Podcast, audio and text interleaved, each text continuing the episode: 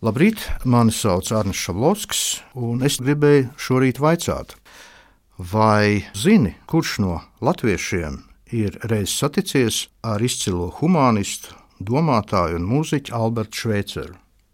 Tas ir mūsu latviešu domātājs, teologs un vēsturnieks Haralds Biezais. Tikšanās ir notikusi 1934. gadā, un to Haralds Biezais ir arī precīzi dokumentējis. Tobrīd viņš atradās Cīrihē, lai turpinātu savas teoloģijas studijas Cīrihas Universitātē. To rīt viņš apraksta šādi. Padzēris rīta kafiju, pārlasīja svētdienas laikrakstu. Baznīcas sludinājuma daļā ieraudzīja kādu nelielu norādi. Kādā no Cīrihas baznīcām par savu mūža meža slimnīcu runās Alberts Šveicers. Latvijas Universitātes teoloģijas fakultātes studiju gaitā mūsu jaunos teologus jau pamatīgi ar šveiceru uzskatiem iepazīstināja Kārlis Kunziņš. Turklāt manā disertācijā, pie kuras tajā laikā strādāju, bija paredzēta nodaļa par šveicera dzīvības cieņas ētiku. Nolēmu šo pēcpusdienas priekšlasījumu ierasties un, ja iespējams, dabūt sarunu ar šveiceru. Jaukais laiks man izvilināja laukā jau kādu stundu pirms priekšlasījuma sākuma. Pastaigājoties, nogāja līdz baznīcai, kurā priekšlasījumam bija jānotiek. No baznīcas pulciņos vien nāca ārā cilvēki, bet tā kā līdz priekšlasījuma sākumam bija 3,4 stundas laika, tad nolēma, ka nu pat ir beidzies kāds dievkalpojums un turpināja savu pastaigu. Kad ierados kāds desmit minūtes pirms sākuma, izrādījās, ka baznīca ir pilna līdz pēdējai vietai, un iepriekš minētie ārā nācēji jau toreiz baznīcu ir atraduši pilnu.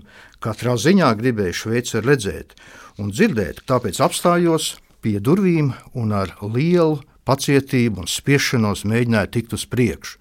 Pēc laba laika tika arī līdz baznīcas durvju iekšpusē, un atklājās pavisam savāda un neparasta aina. Plašā baznīca bija pilna līdz pēdējai iespējai, bet ne parastā nozīmē. Visas logu palodzes bija pilnas ar sēdētājiem, tāpat cilvēki bija sakāpuši gar visu pilāru pakājiem.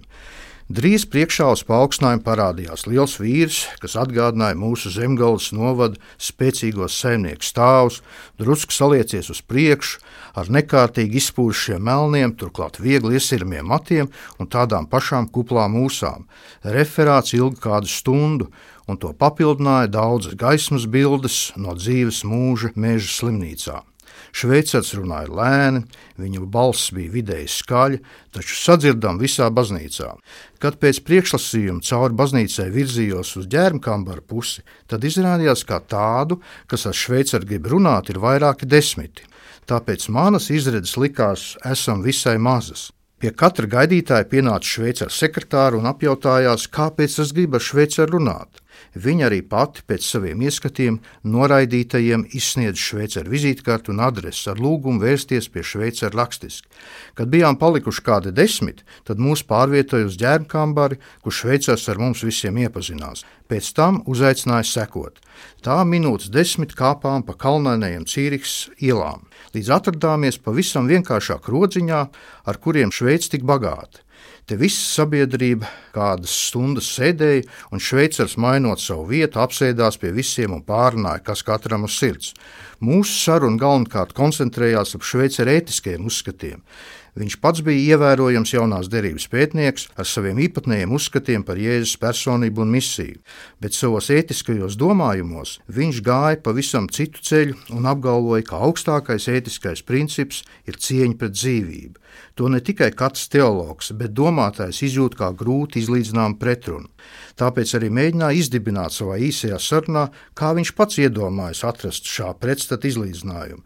Tā soli pa solim savā sarunās nonācām pie manas stūrgalvīgā, kaut arī konsekventā jautājuma, ko varēja atļauties uzdot tikai jauns doktorants. Proti, ko Šveicars vērtē augstāk - reliģisku pārdzīvojumu vai etisko normu piepildījumu? Un viņš, nemirkli nešaubīdamies, man atbildēja, ka pēdējais ir svarīgāks. Tas nebija tikai pie viena galda kopā izdzertais auskauss Cīriks krodziņā, bet arī viņa domas par ētikas problēmām. Vēlāk viņa jēzus saprata, kas mani turpat visu mūžu piesaistīs šim izcilajam domātājam.